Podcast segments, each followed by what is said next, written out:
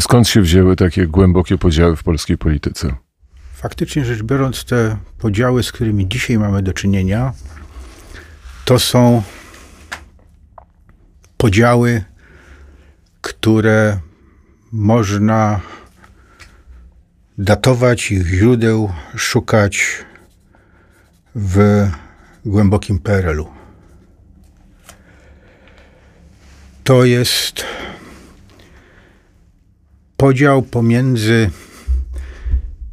tymi, którzy z jednej strony byli faktycznie rzecz biorąc rosyjskimi agentami albo pełnomocnikami do zarządzania obszarem Polski po 1945 roku.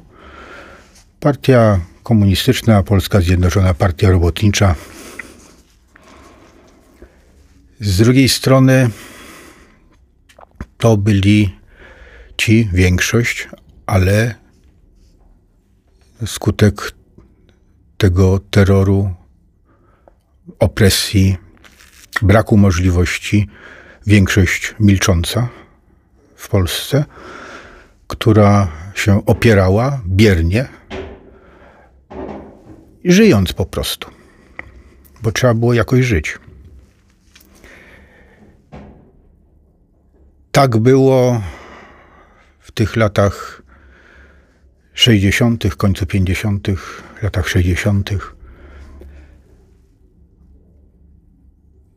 Tak było w momencie, kiedy okazało się, że opór powojenny, dzisiaj mówimy żołnierze niezłomni, czasem wyklęci, czynny opór przeciwko okupacji sowieckiej został zduszony. I było poczucie klęski, podwójnej klęski i porażki i niemożności. Chociaż i w tamtej sytuacji dochodziło do, przecież wiemy o tym, zbiorowych wystąpień przeciwko komunistycznej władzy. Takich cyklicznych. Czy to październik, czy wszystkie historie związane z milenium, o, czy 70 rok, czy w całej Polsce bunt studencki 68 roku. I to był jeden podział, który oczywiście jest w pewnym sensie oczywisty, ale był też drugi podział, którego symbolem może być różnica między tymi, którzy odchodzili od partii komunistycznej na różnych etapach, albo będąc wyrzucani, albo zostawiając y, legitymację partyjną, komunistyczną, przechodząc niejako do y, opozycji wobec władzy. Na różne sposoby zresztą artykułowała się ta opozycyjność. I oni byli rewizjonistami.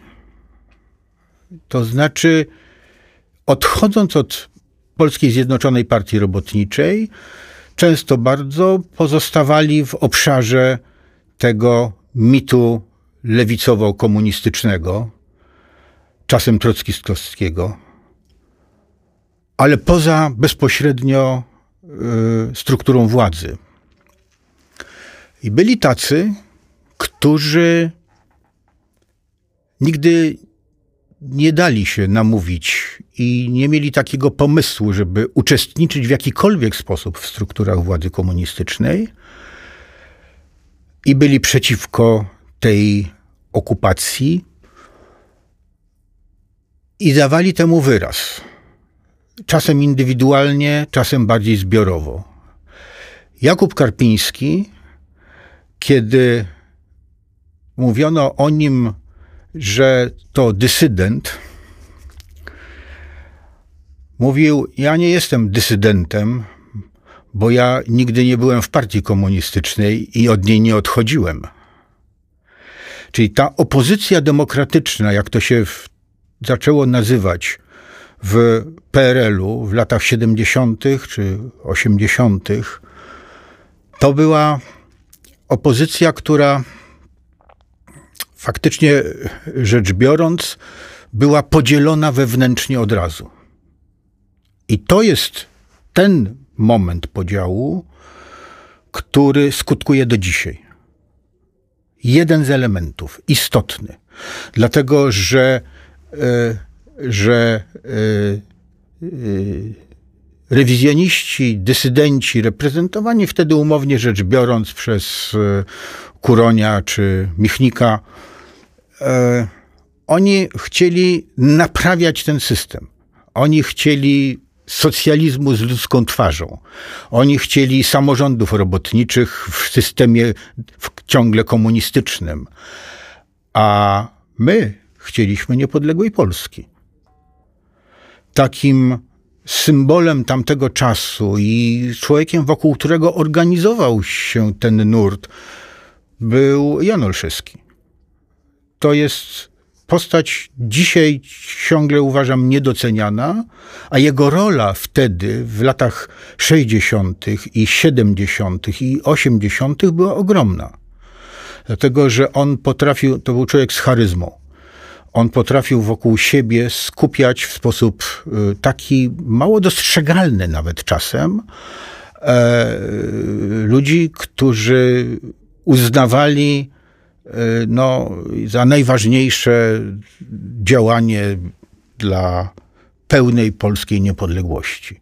To wtedy było w sferze mitologii, można powiedzieć, e, w sferze celu bardzo odległego, e, ale nigdy niezapominanego. E, różnica wtedy była także w języku między tymi dwiema grupami. E, myśmy mówili o narodzie, a oni mówili o społeczeństwie. Myśmy mówili o niepodległości, a oni najwyżej o suwerenności.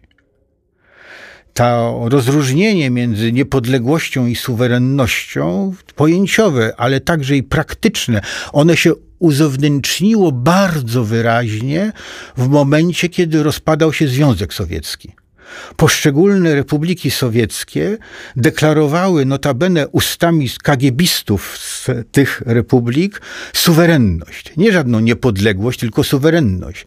A kiedy na Litwie zadeklarowano niepodległość, no to wjechały rosyjskie wojska. Czyli ani 76, ani 80 rok sierpień, ani stan wojenny, ani 89 rok tego nie zmienił. Nie nie zmienił, dlatego że, dlatego, że mm, y, no, można powiedzieć, przejawem tej niezmienności były zdarzenia podczas zjazdu Solidarności. Tam podział był bardzo widoczny. W Solidarności samej podział był y, widoczny, w momencie się ujawniał, kiedy zostały przeprowadzone, faktycznie rzecz biorąc, w sposób demokratyczny, pierwsze wybory po 1939 roku na terenie całej Polski. I to już były wybory, w których, w których no, niejako abstrahując od sytuacji zewnętrznej, od tych rosyjskich wojsk, które stały na terenie Polski, od sytuacji ogólnej, dramatycznej przecież, ale już zaczęły się przejawiać y, różnice w poglądach na temat tego, jak Polska ma być zorganizowana. To nie jest przypadek, że górnicy zginęli w Wujku na Śląsku. Dlatego, że na Śląsku Solidarność mówiła o niepodległości za niepodległość ludzie poszli zginąć, a za suwerenność i samorządność niekoniecznie. A czy słowa, które padały podczas zjazdu Solidarności, można by było przełożyć i spór, który tam się toczył na spór dzisiejszy? Tak, znaczy to jest kwestia okrągłego stołu oczywiście. To jest kwestia okrągłego stołu, dlatego że, dlatego, że kompromis z komunistami no, pod hasłem okrągły stół, no, koniec 80. lat, to jest ten moment, kiedy część tej y, antykomunistycznej opozycji, już częściowo rewijanistycznej, częściowo pochodzącej z Solidarności, z ruchu społecznego, prawda, patriotycznego, narodowego de facto, którym była, która była Solidarność. To coś się pomieszało. Ale, ale y, wspólnym mianownikiem dla tych osób było praktyczne, pragmatyczne podejście do, y, do sytuacji. Y, Oni, ci, którzy byli wtedy uznani za stronę społeczną, prawda? Notabene to wcale nie byli działacze Solidarności z najwyższej półki, tylko po prostu zostali wykreowani przez stronę komunistyczną, przez Kiszczaka, przez bezpiekę e, komunistyczną w ciągu dekady lat 80., różnymi manewrami, e, takimi praktycznymi. Część wypchnięto za granicę, część, część zrezygnowała wobec tych zagrożeń, które, które były, a część po prostu była promowana e, i, e, i wysuwana. No jednym słowem, ta strona społeczna wtedy uznała, że trzeba się z komunistami porozumieć, a e, zawrzeć kompromis, no bo to jest jedyna, jedyna droga. I tak powstał rząd już abstrahując, nie będziemy tu całej historii opowiadali, prawda? Ale rząd Mazowieckiego to był rząd, w którym generałowie byli ministrami i to, i to, i to minister obrony narodowej i minister spraw wewnętrznych. No, a, a, a, a prezydentem e, został wybrany jednym głosem generał Jaruzelski, z którym e, później Michnik się obejmował, e, deklarując, że to człowiek honoru. No i to są symboliczne, to w pewnym sensie obrazki. Ale co, czy ale... była w tym 89 roku inna droga? Można było poczekać. Walił się system to jest tak, że, że, że, że Związek Sowiecki jako struktura państwowa zadrżał, prawda? Rosja się, się znalazła w kryzysie. E, I było wiadomo, że ona jest w kryzysie i że ona będzie, ten kryzys będzie się pogłębiał. I to nie jest tak, że że, że Związek Sowiecki upadł dlatego, że y, myśmy stworzyli Solidarność. Nie, to jest bardziej skomplikowane. I można było czekać. Czas pracował na naszą korzyść, a byli tacy, którzy już byli tak zmęczeni, tak im się spieszyło, że chcieli to zrobić jak najszybciej. Nie mówiąc o tym, że y, wpływy y, rosyjskie były bardzo silne i cały ten pomysł przekształcenia y, Związku Sowieckiego w inny, inaczej zorganizowany twór państwowy rosyjski, co było pomysłem z 80. lat, był realizowany, a Polska była w to wpisana. I to jest, i, i, i to są źródła tego, tego e, kryzysu, który mamy dzisiaj, bo mówimy o, o, dniu dzisiejszym. Polska jest podzielona. Ale to jest trzecie pokolenie. Czy to jest tak, że ta sztafeta pokoleń jest rzeczywiście taka i przekazywanie pałeczki jest rzeczywiście na tym poziomie, że trzecie pokolenie, czy za chwilę czwarte pokolenie w, w, pewnym, to, jest, to nie jest jednowymiarowe, ale faktem jest, że e, stworzona w 1989 roku Gazeta Wyborcza, jako pierwsza, jedyna gazeta niekomunistyczna, tak przecież ona powstawała, tak została przyjęta przez czytelników, wtedy się czytało jeszcze gazety. E, otóż, e, otóż wyrosło pokolenie Polaków, które było formowane w sensie intelektualnym, w sensie poglądów przez Gazetę Wyborczą i Tygodnik Powszechny. Prawda? Takie, nastąpiło takie połączenie, zresztą praktyczne, bo w Komitecie Obywatelskim przy Lechu Wałęsie też właśnie praktycznie to y, znalazło swój wymiar, a, a, a rząd z Mazowieckim i prawda, to było tego uzewnętrznienie już na poziomie administracji rządowej. Y, a ta Gazeta Wyborcza, ona została zastąpiona przez e, inne medium, przez umownie znowu rzecz biorąc TVN. I pokolenie Gazety Wyborczej y, urodziło następne pokolenie, a to następne pokolenie to jest pokolenie TVN, a pokolenie, TV, a, a, a, a pokolenie TVN w tej chwili się przekształca w y, pokolenie no, pewnie Facebooka, czy Twittera, czy jakoś tam, prawda, mediów elektronicznych, gdzie, y, wie pan, no, mało kto na przykład wie, że, czy pamięta, że Wikipedia została stworzona przez ludzi bardzo blisko związanych ze środowiskiem Gazety Wyborczej. Polska Wikipedia. redaktorzy polskiej, notabene anonimowi zawsze, polskiej Wikipedii, to są ludzie, którzy kształtują poglądy.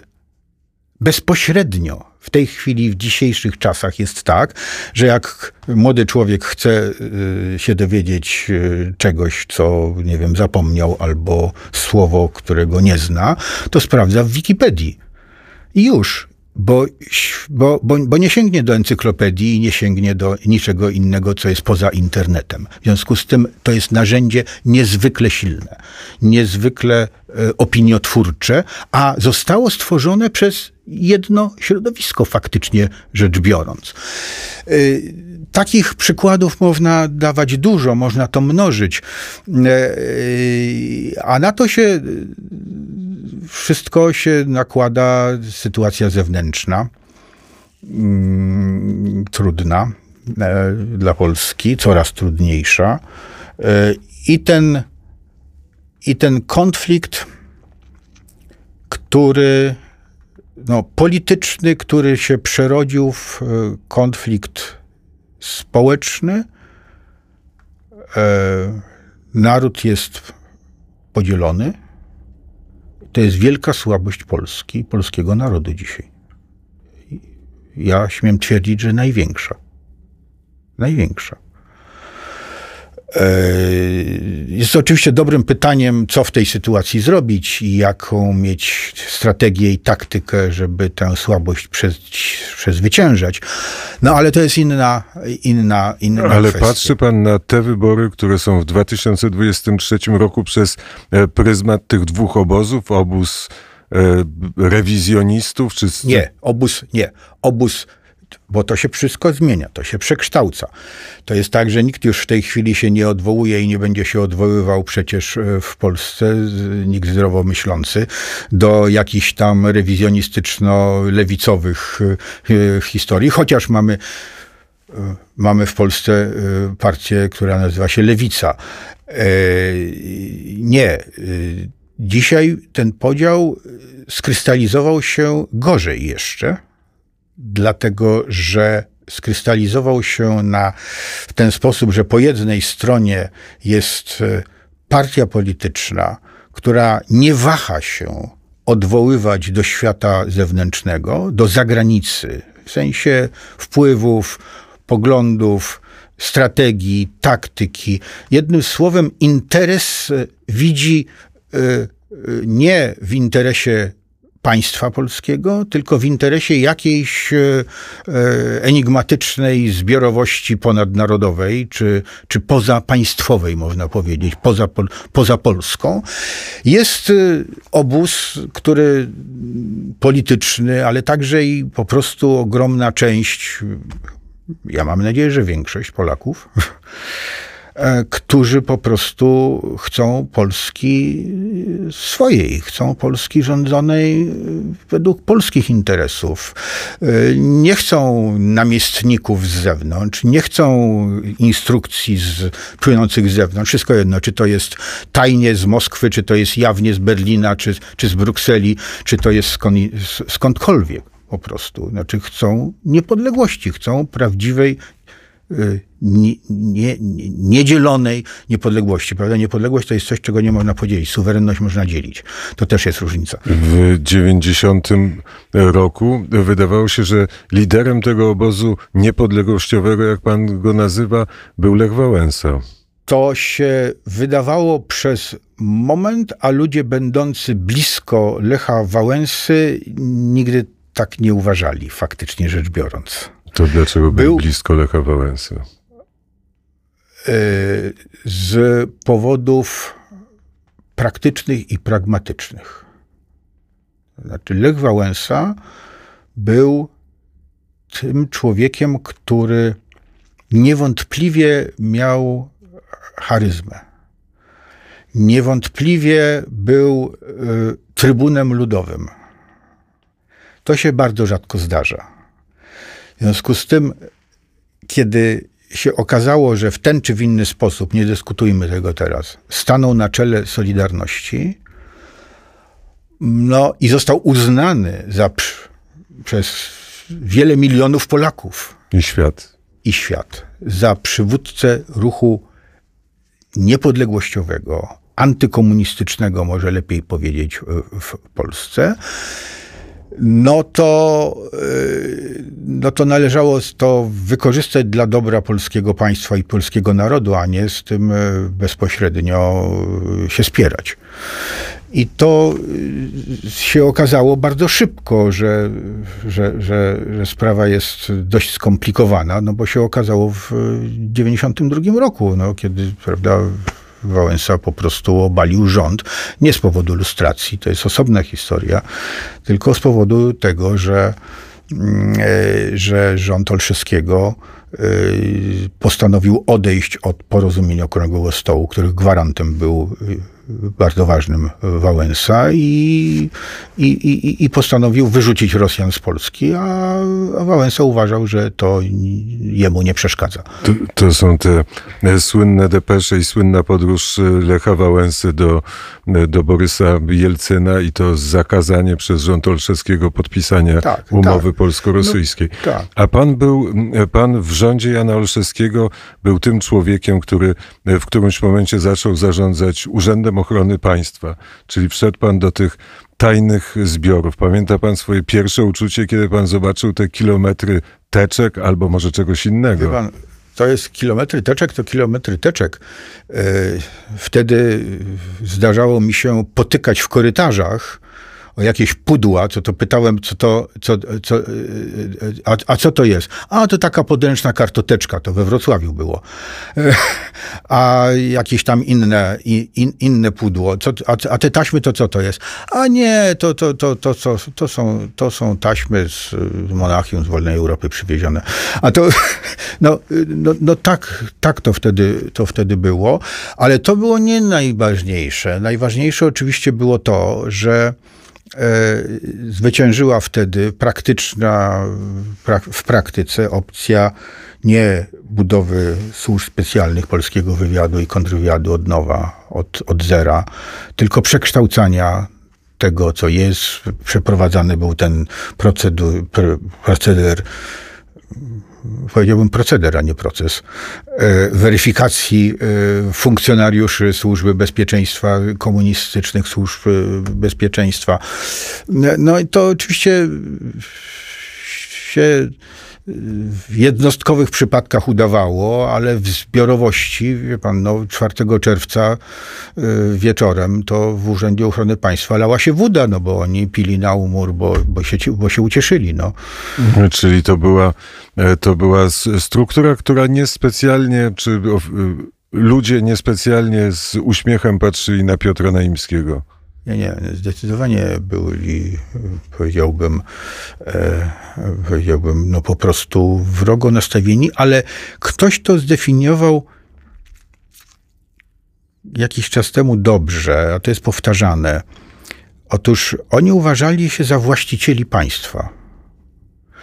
I e, i uważali każdy moment, kiedy musieli się przesunąć, kiedy to ograniczany, ktoś ograniczał ich władztwo nad własnością, którą, ich przecież własnością, no to to był wróg. To był wróg, a poza tym na pewno było to przejściowe. To musiało być przejściowe, bo my przecież wrócimy. Bo, bo, bo przecież to tylko jest wypadek przy pracy, bo my kontrolujemy wszystko. My kontrolujemy gospodarkę, my kontrolujemy finanse, my mamy, my, my wynieśliśmy te papiery, którymi możemy ich szantażować i, i, i, i powodować y, nimi. No, jednym słowem, y, to poczucie potęgi, po tamtej stronie było bardzo zakorzenione, było głębokie. I teraz, i wie pan, i, i to zresztą się przekłada na, Bo pan mnie pyta o wybory dzisiejsze, a to jest kwestia e, tego, gdzie my jesteśmy tak naprawdę w procesie tak zwanej transformacji po komunizmie. Bo minęło 30 parę lat i ten proces odchodzenia od komunizmu, a właściwie nie odchodzenia od komunizmu, zaraz zostanę złapany za słowo, bo przecież komunizmu nie ma, ale budowy czy rugowania z życia publicznego, społecznego, gospodarczego, z ludzkich umysłów również, z uczelni w Polsce, tych pozostałości po okresie komunistycznym to ciągle trwa. To ciągle tak jest. Ja się zajmowałem ja się zajmowałem, tak, mi, tak, tak sobie to postanowiłem i tak to wypadło, mogłem to robić, ale trwało to 30 lat. Zajmowałem się tym, żeby uniezależnić Polskę od dostaw rosyjskiego gazu, od surowców energetycznych. 30 lat. Po 30 latach mi się udało, nam się udało w końcu, ale to jest miara transformacji. Znaczy, musieliśmy y, z różnych powodów, można to by opisywać, ale ale nie udawało się tego zrobić przez 30 lat. A teraz jest tak na przykład, że, że, że wie pan, że w Warszawie osiedla się, to znaczy kupuje nieruchomość, notabene w Alei Szucha, e, e, pan Firtasz, oligarcha rosyjsko, e, rosyjsko-ukraiński, to jest, mia, który miał, objęty był sankcjami amerykańskimi, mieszkał w Wiedniu, nie mógł się z tego Wiednia ruszyć, no ale nagle się okazuje, że w Polsce, w Polsce, dzisiejszej Polsce, on uznał, że może prowadzić interesy. To jest miara transformacji. Ja nie wiem, czy w dobrą stronę. Moim zdaniem w złą stronę. To jest zatrzymanie. To jest pewien. Jesteśmy znowu w jakimś, prawda, takim, takim dziwnym, dziwnym czasie. Albo na przykład skąd się wzięły.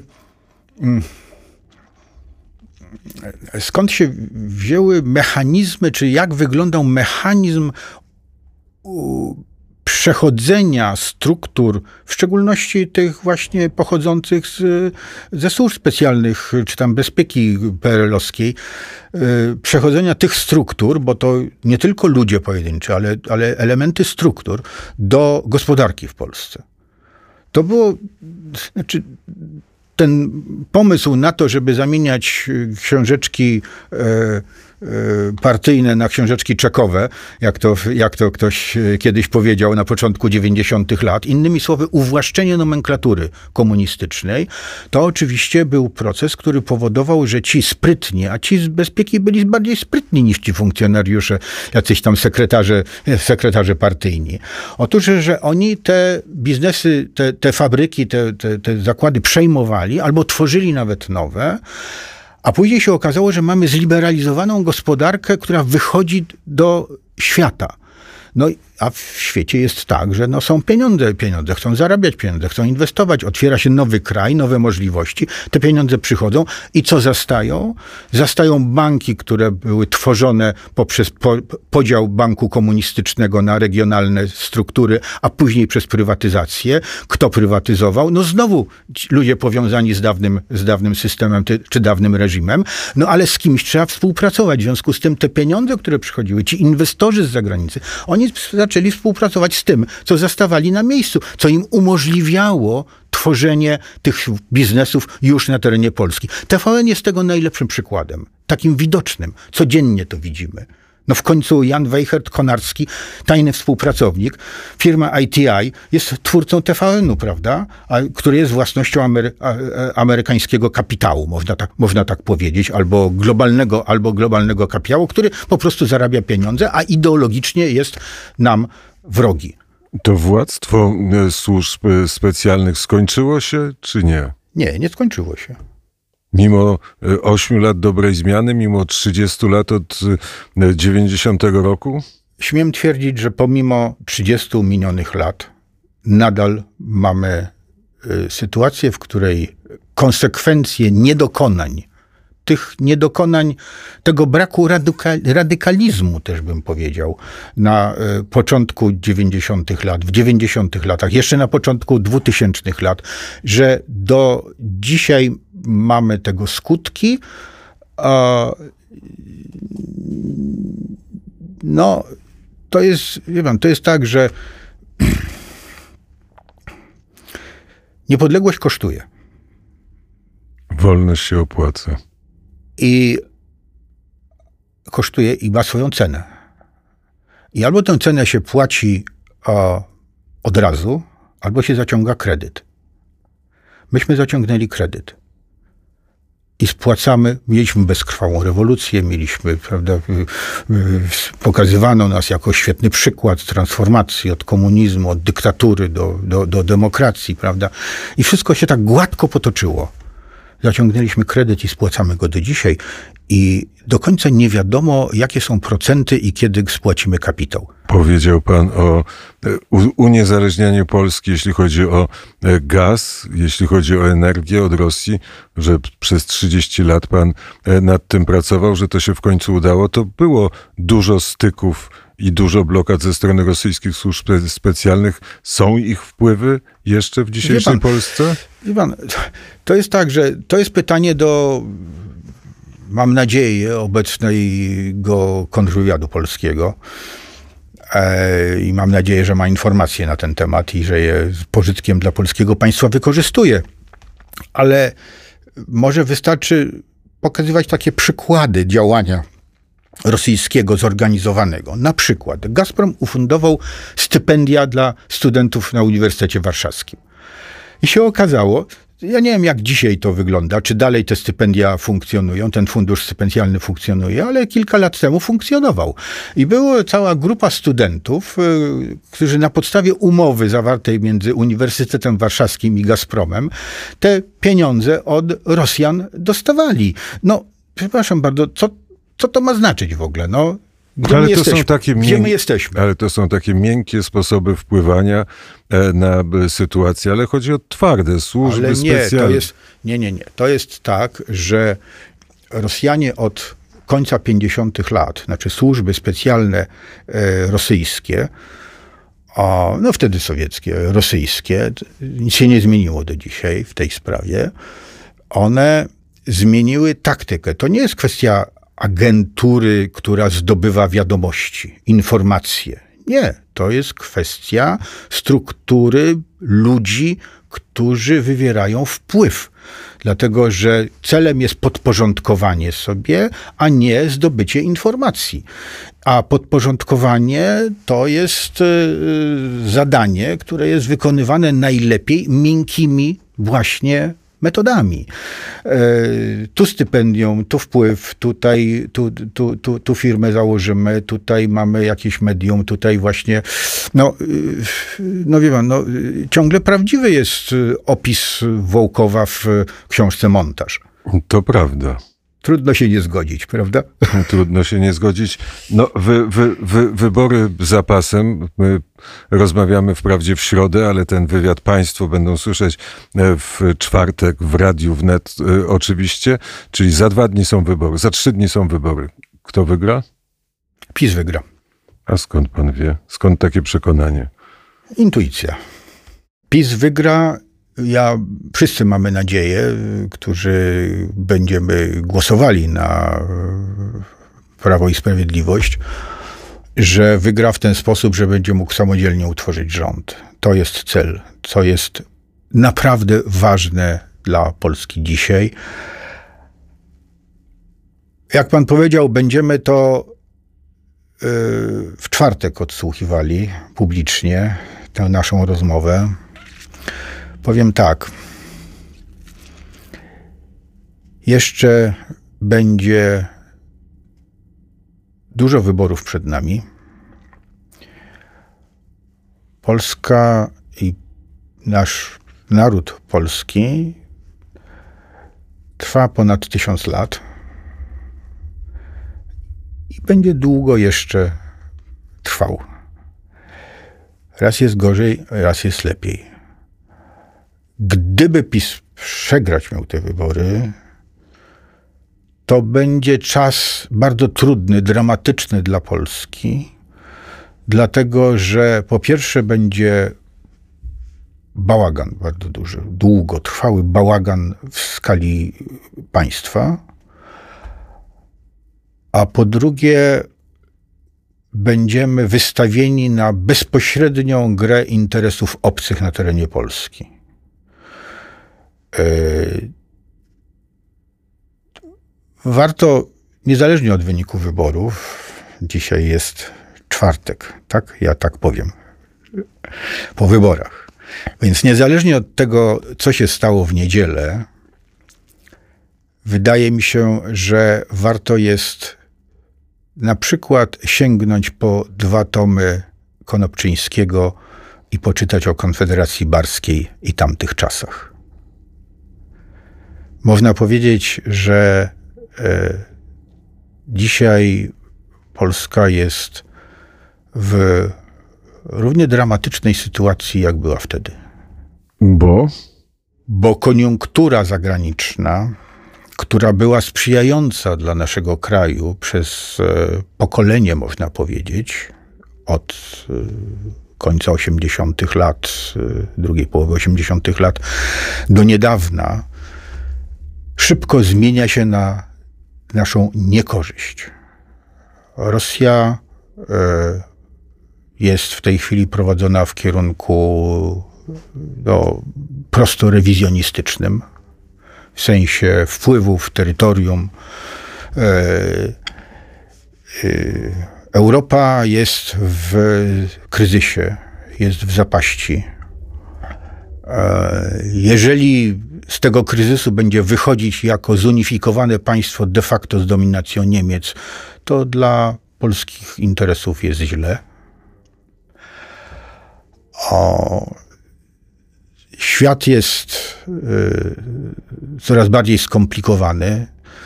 Można spowodować, to ciekawe skądinąd, jak to jest wykonywane w praktyce, ale że na przykład fale imigrantów przepływających Morze Śródziemne są sterowane. Raz jest tego więcej, raz jest mniej.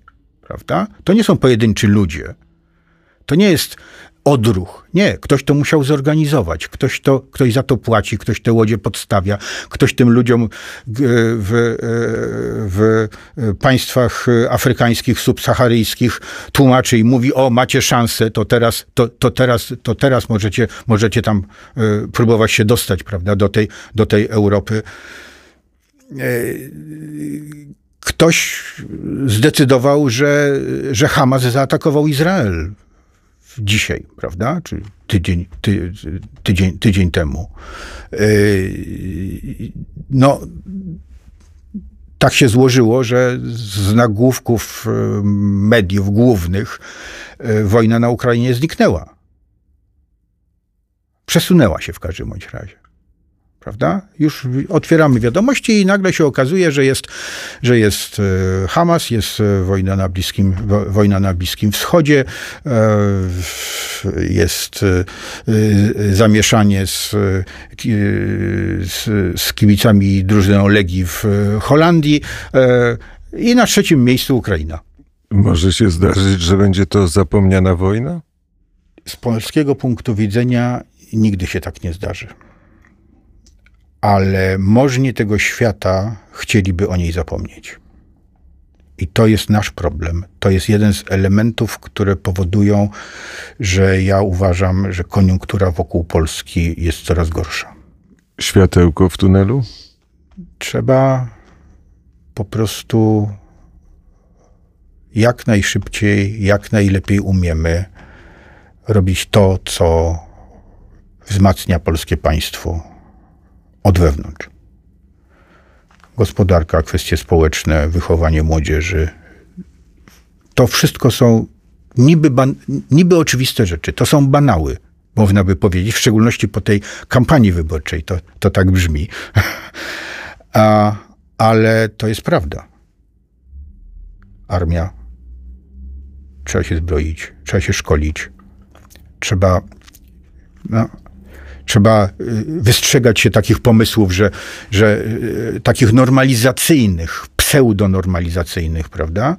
No, na przykład, że, że, że nie wiem, wojna się skończy, będzie już jako tako, prawda? No i my i, i, I, pojawią się biznesmeni, o, którzy, którzy znowu przyjdą, bo już przychodzili kilka razy, przyjdą do władzy i powiedzą: No, to teraz moglibyśmy sobie na przykład zbudować kable energetyczne z Królewcem.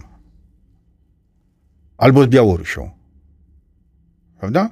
Bo to, bo to będzie korzystne, bo mamy tutaj za mało energii w Polsce, a oni mają, to jest tanio, to jest, to jest lepiej, oni nie mają y, ograniczeń Unii Europejskiej, nie mają środowiskowych ograniczeń, no to my na tym zarobimy, Polska na tym zyska, bezpieczeństwo energetyczne, prawda, bezpieczeństwo Polski się w ten sposób poprawi. No i tego typu kwestie to brzmi teraz absurdalnie, jak ja to mówię w ten dzisiaj czwartek, tak?